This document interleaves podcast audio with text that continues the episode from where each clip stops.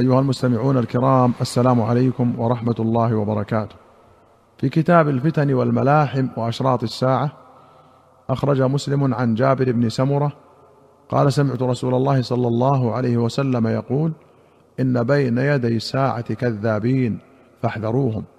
وأخرج ابن أبي شيبة وأحمد وابن ماجة وأبو داود والترمذي وابن حبان والحاكم والبيهقي في السنن والبغوي رحمهم الله. بسند صحيح عن ثوبان رضي الله عنه أن رسول الله صلى الله عليه وسلم قال إنما أخاف على امتي الأئمة المضلين فإذا وضع السيف في أمتي لم يرفع عنها إلى يوم القيامة ولا تقوم الساعة حتى تلحق قبائل من امتي بالمشركين وحتى تعبد قبائل من امتي الأوثان وإنه يكون في أمتي ثلاثون كذابون.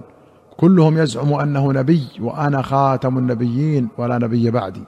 ولا تزال طائفة من أمتي على الحق. لا يضره من خالفهم حتى يأتي أمر الله. سبق أول الحديث في كتاب الإمامة والولايات في باب ما يجب على الولاة.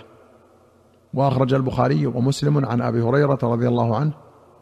قال قال رسول الله صلى الله عليه وسلم يوشك الفرات أن يحسر عن كنز من ذهب.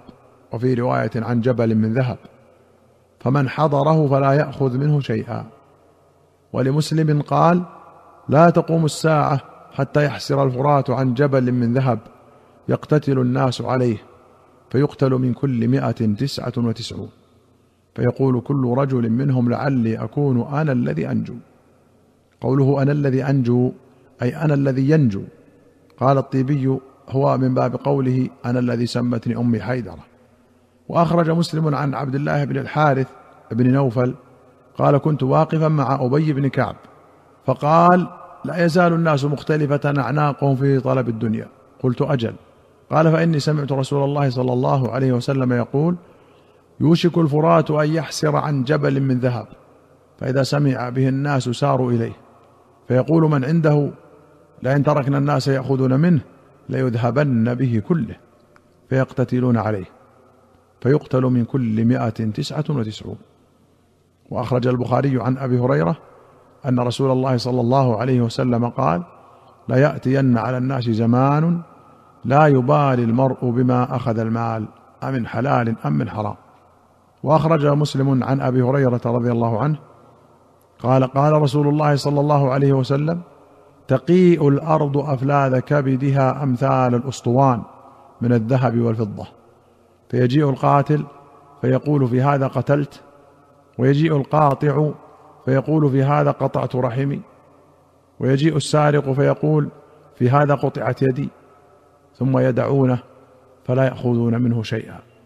الأفلاذ جمع فلذ وهو القطعة من الكبد أو اللحم وقيل هي المقطوعة من الكبد طولا أي تخرج الأرض ما في جوفها من القطع المدفونة. والأسطوان جمع أسطوانة وهي السارية والعمود. وشبهه بالأسطوان لعظمه وكثرته. وأخرج ابن أبي شيبة وأحمد وأبو داود والطبراني في الكبير والبيهقي في الشعب والبغوي بسند حسن عن ثوبان رضي الله عنه أن النبي صلى الله عليه وسلم قال يوشك أن تداعى عليكم الأمم من كل أفق. كما تداعى الأكلة إلى قصعتها. قلنا يا رسول الله أمن قلة بنا يومئذ؟ قال بل أنتم يومئذ كثير ولكن تكونون غثاء كغثاء السيل. تنزع المهابة من قلوب عدوكم ويجعل في قلوبكم الوهن. قلنا وما الوهن؟ قال حب الحياة وكراهية الموت. وفي رواية حبكم الدنيا وكراهيتكم القتال. الغثاء ما يبس من النبات فحمله الماء فألقاه في الجوانب. يقال غثى السيل المرتع إذا جمع بعضه على بعض وأذهب حلاوته.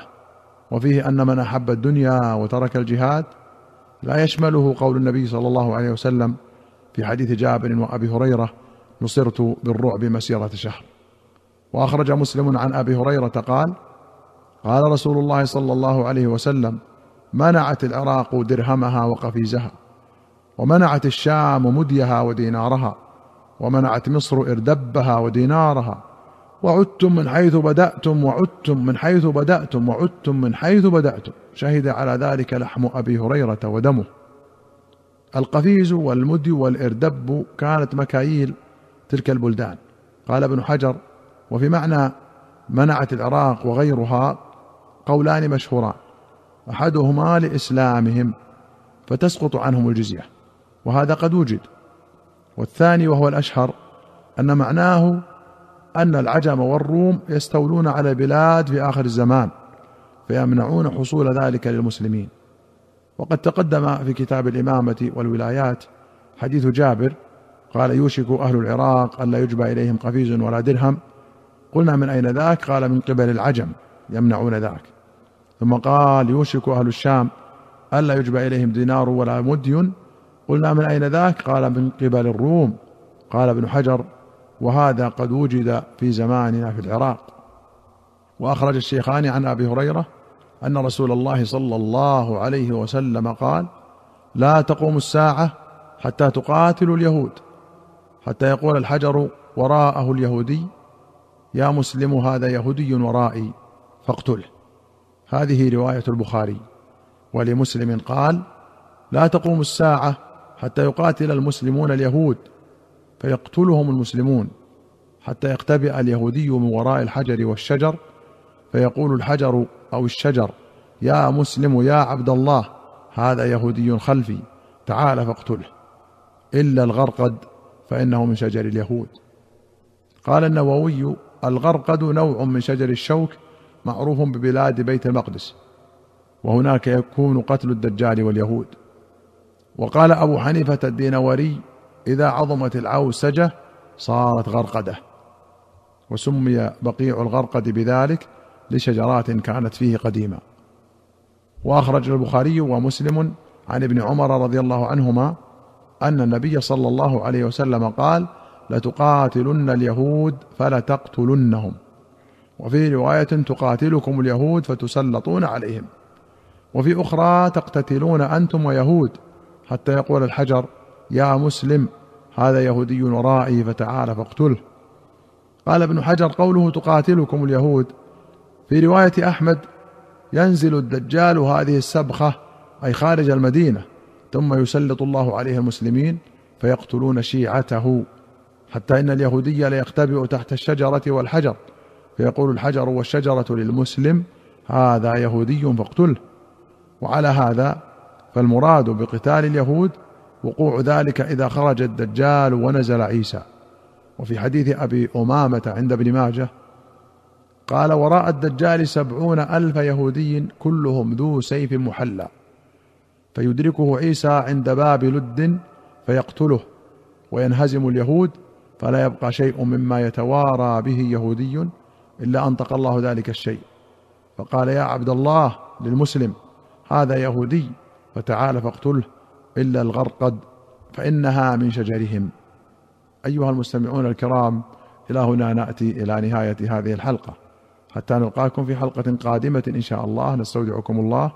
والسلام عليكم ورحمة الله وبركاته.